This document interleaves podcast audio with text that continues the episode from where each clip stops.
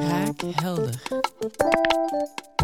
Welkom bij Kraakhelder, de podcast voor KMO's, waarin we elke week prangende HR-vragen beantwoorden met een van onze experts. Deze week is uh, Liesel terug bij mij. Dag Liesel. Hey Flo, fijn om hier terug te zijn. Ja, leuk. Um, we gaan het nog eens hebben over ziekteverzuim. We hebben al een aantal uh, thema's besproken. Nu zou ik eens willen vragen, um, wat zit er achter de cijfers eigenlijk? Wat zijn zo de oorzaken van ziekteverzuim? Ja, als we gaan kijken naar de oorzaken van ziekteverzuim, uh, zie ik daar twee grote categorieën. Enerzijds heb je de medische oorzaken, um, waar dan natuurlijk de, de arts, de behandelende arts over gaat oordelen. Um, anderzijds heb je um, de mentale oorzaken, waar dan nog een groot stuk werkgerelateerde oorzaken in zitten. Dus er kunnen zeker uh, zaken binnen de werkomgeving zijn die een rol kunnen spelen in uh, de afwezigheid van de medewerker. Nu, dat is zelden één grote oorzaak. Hè. Vaak is dat een combinatie van heel wat factoren um, die voor de medewerker een rol spelen en die de doorslag geven hè, of die uh, op lange termijn een invloed kunnen hebben op, op die medewerker, waardoor dat die soms kan uitvallen. Um, het werkgerelateerde stuk, hè, uh, daar zien we eigenlijk vijf categorieën in. Uh, wettelijk gezien zijn daar vijf categorieën voor opgesteld. We noemen dat de vijf A's. Uh, maar eigenlijk zijn het vier A's en één I. het is een beetje verwarrend. dat is eigenlijk de arbeidsvoorwaarden, de arbeidsomstandigheden, de arbeidsinhoud, de arbeidsorganisatie uh, en de interpersoonlijke relaties, of de arbeidsrelaties, dat is dan die A die eigenlijk een I is. Ja. Nu, dat klinkt waarschijnlijk nog heel vaag uh, als ik beetje, dat vertel. Beetje, ja. uh, dus ik ga het misschien een beetje proberen concretiseren. Hè. Um, ja, die vijf categorieën zijn zo opgesteld net omdat ja, die oorzaken in het werken, die psychosociale risico's, zoals wij dat noemen, dat kan breed gaan. Hè.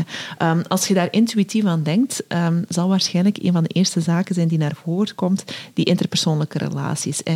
Conflicten. Ja. Uh, het loopt niet goed met de leidinggevende of met een collega. Um, met een medewerker. Hè. Um, die, die, arbeidsrelaties die spelen een gigantische rol hè, in hoe dat iemand zich voelt op het werk. Um, zijn er goede contacten met de leidinggevende? Uh, is er een goede sfeer in het team?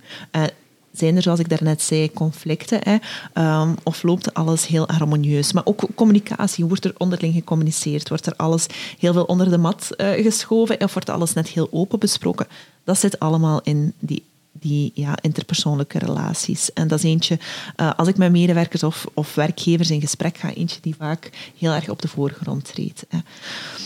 Maar daarnaast heb je natuurlijk nog vier andere categorieën. Je hebt um, in eerste instantie de arbeidsinhoud. Dat is effectief ja, de taken dat iemand doet. Um, is dat voldoende duidelijk in eerste instantie uh, wat dat hij moet doen op het werk? En in tweede instantie voelt die medewerker zichzelf competent genoeg om die taken te doen die dat hij moet doen. Um, is er ook voldoende variatie daarin? Uh, heeft een medewerker bepaalde autonomie om zaken uit te voeren? Dat zit allemaal een stukje binnen de arbeidsinhoud.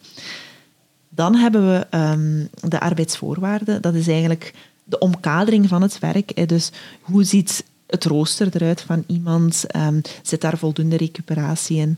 Um, heeft iemand voldoende ook opleidingsmogelijkheden? Hoe is het verlof geregeld? Uh, allemaal dat soort zaken.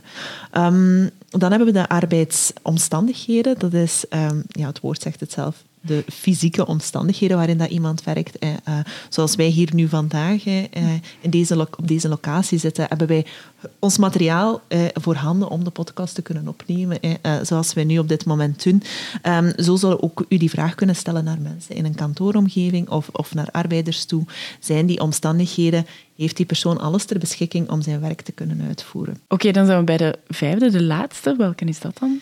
Dat klopt. Ik heb uh, um, de um, meest dominante voor laatste gehouden, eigenlijk de arbeidsorganisatie. Uh, uh, waarom noem ik dat de meest dominante? Omdat ja, de arbeidsorganisatie dat gaat over overkoepelend. Um, hoe is de arbeids...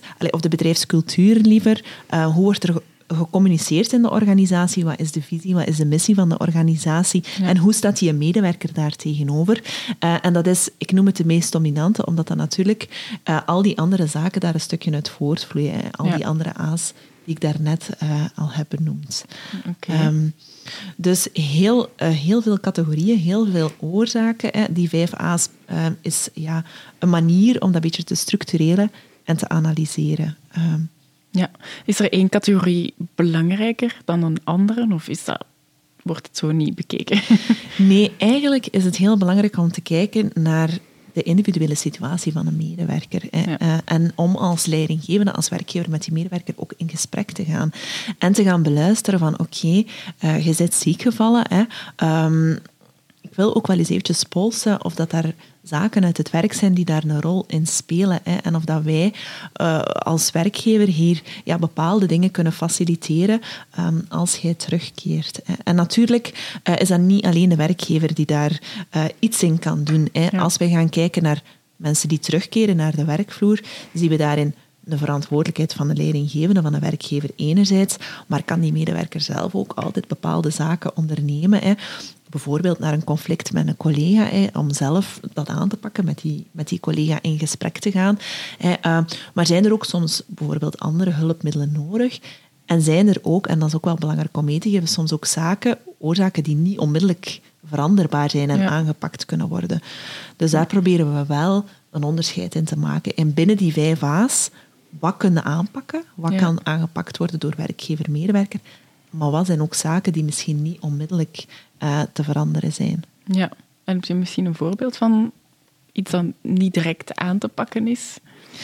Ja, uh, een voorbeeld is een uurrooster. Uh, ah, ja. Ik moet denken aan een heel, een heel specifieke situatie. Uh, een medewerker die um, in een shiftsysteem werkt, inherent aan een job, maar daar omwille van persoonlijke redenen heel veel uh, moeite mee heeft, of omwille van de thuissituatie, uh, het heel moeilijk vindt om met die shiften om te gaan. En dat is natuurlijk, als werkgever kunnen niet onmiddellijk zeggen, die shiften, we laten die achterwege. Hè. Ja, um, en daarom is het net de sterkte, vind ik, om het dan heel breed te trekken en te gaan kijken naar, oké, okay, als je naar je werksituatie kijkt, welke dingen geven u energie, welke dingen vreten er energie, hè, een beetje de, de balans ja. tussen de plus en de minnen.